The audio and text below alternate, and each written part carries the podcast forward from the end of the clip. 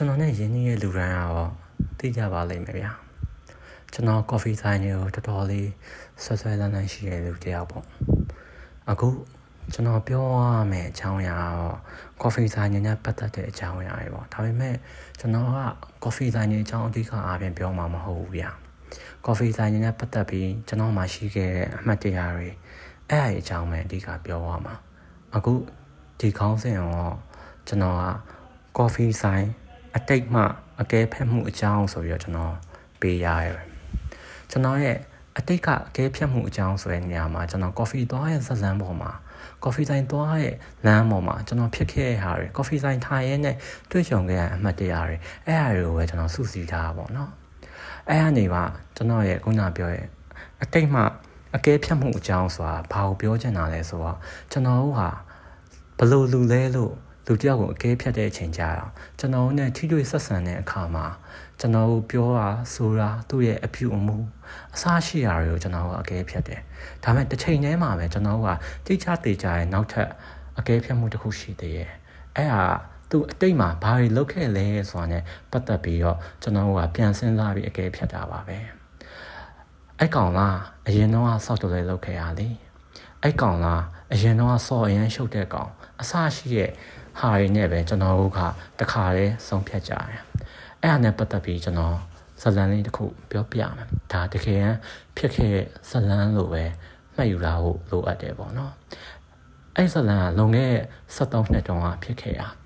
တကယ်တော့ရန်ကုန်မှာနေတဲ့လူတွေကော်ဖီဆိုင်နဲ့ကြိုက်တတ်တယ်ကျွန်တော်အရွယ်လောက်လည်းရှိတဲ့လူတွေ The Risk Cafe ဆိုတာမျိုးကြားဘူးမယ်လို့ကျွန်တော်ထင်တယ်အဲ့ကော်ဖီဆိုင်ကတကုံတက်နာမှာရှိတာ တကုံတက်နားမှာရှိတဲ့ The Risk Cafe ဆိုတဲ့ဆိုင်ကိုကျွန်တော်အဲ့ချိန်တုန်းက2009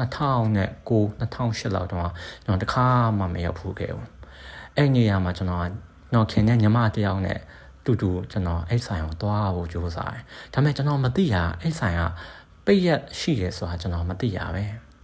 အဲ့ဆိုင်ကိုကျွန်တော်ရောက်တဲ့အချိန်မှာကျွန်တော်တို့အနေနဲ့အဲ့ဆိုင်ပိတ်ထားတာလို့သွားတွေ့ရတွေ့တော့ကျွန်တော်တို့ကဘာလို့လို့လောက်မှမသိပဲနဲ့ဥတီရအမဲ့ ကျွန်တော်ကနဝဒီလမ်းကိုဖျက်လျှောက်ပြီးတော့ကျွန်တော်ကအလံပြားလမ်းမကြီးပေါ်တော့တက်လာအဲ့တက်လာတဲ့အချိန်မှာသူနဲ့ကျွန်တော်နဲ့ကတော့တငယ်ချင်းတို့ရဲ့ထုံးစံအတိုင်းဘေးချင်းရှင်လျှောက်ရင်းနဲ့စကားပြောလာကြတာပေါ့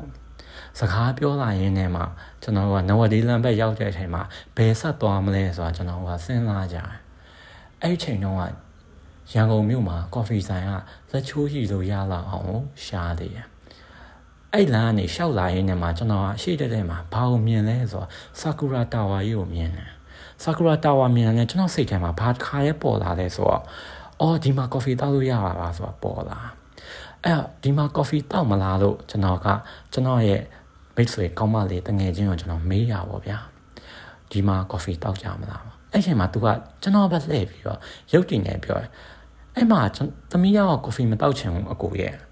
အဲ့ကျွန်တော်ကလည်းပြန်မေးရပါဘာလို့လဲဘာလို့လဲမေးတော့ဘာလို့လဲဆိုတော့အဲ့ကော်ဖီဆိုင်ကအထက်20မှာရှိတာသမီးတငယ်ချင်းတွေကအဲ့ကော်ဖီဆိုင်သွားရင်ဓာတ်လေကားနဲ့သွားရင်နဲ့လမ်းမှာကစ်စင်ဆွဲကြတာလို့ကျွန်တော်ပြောအဲ့ကျွန်တော်တော်တော်ကြောင်သွားရဗျာဘာလို့လဲဆိုတော့ကျွန်တော်သူ့အပေါ်မှာ